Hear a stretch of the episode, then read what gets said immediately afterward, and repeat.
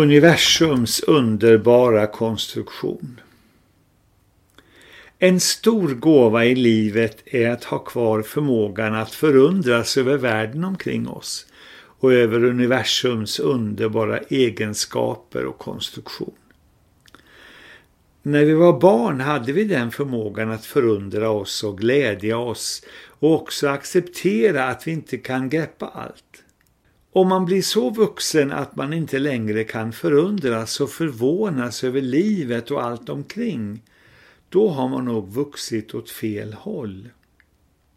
Trots nedskräpning och miljöförstöring och all exploatering och allt slitage och krig och våld så är ju faktiskt vår jord en skimrande pärla i universum med denna fantastiska artrikedom av djur och växter.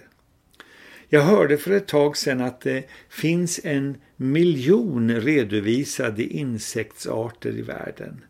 Och det totala antalet arter kan till och med vara så mycket som 50 miljoner. Och bara i Sverige finns 33 000 insektsarter katalogiserade.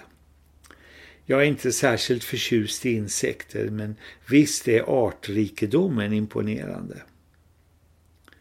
Och detta lilla jordklot, detta stoftkorn i universum balanserar på exakt det avstånd från vår sol och allt annat så att allt detta myllrande liv och kretslopp finns. En liten aning hit eller dit och allt vore ett kallt mausoleum utan en gnutta liv. Eller också skulle allt brinna upp och förintas i ett eldhav på en sekund och alla människor, strax under 8 miljarder i världen just nu, alla olika varann. Hur fantastiskt är inte det?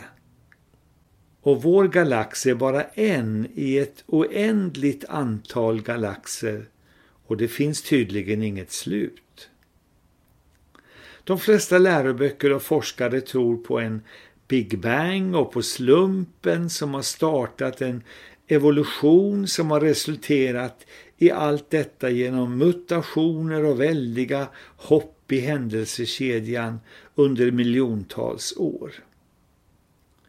Men alla konstruktioner, hur enkla de än är, har ju en konstruktör. Hur kan detta sköna universum eller bara en liten svensk blomsteräng om sommaren finnas utan en konstruktör? För mig är den konstruktören Gud, den allsmäktige. Jag tror på en personlig Gud, inte bara en mystisk och opersonlig kraft.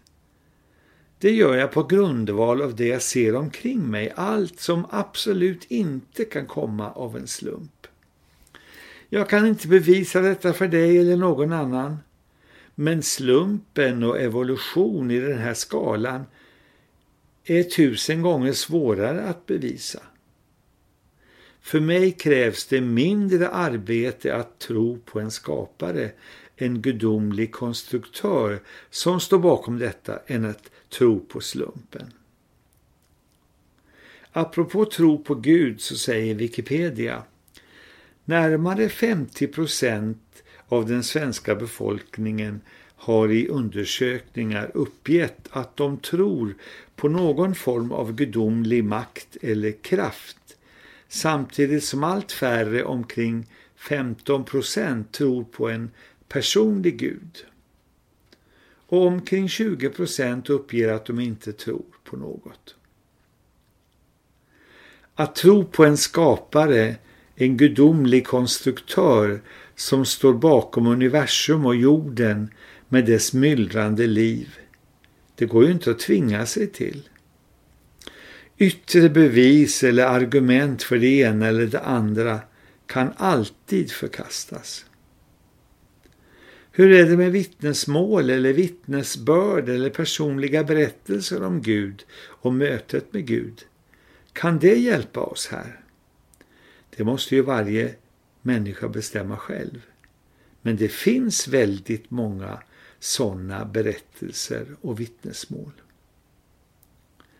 Att jag alltid har trott på Gud och en skapare, en personlig Gud, Det beror naturligtvis på att jag växte upp med Guds tro omkring mig. Men jag tror ju fortfarande efter mer än 70 år och dessutom mer än någonsin. Hur livet skulle kännas utan tro på Gud och att liksom se en mening i tillvaron, det kan jag inte föreställa mig. Jag skulle önska att du trodde på en skapare. En god och fantastisk Gud som har gett oss allt i skapelsen, i naturen och livet. Men jag vet inte riktigt hur det ska gå till. Kanske det kan börja med att öppna sig för tanken, öppna sitt inre.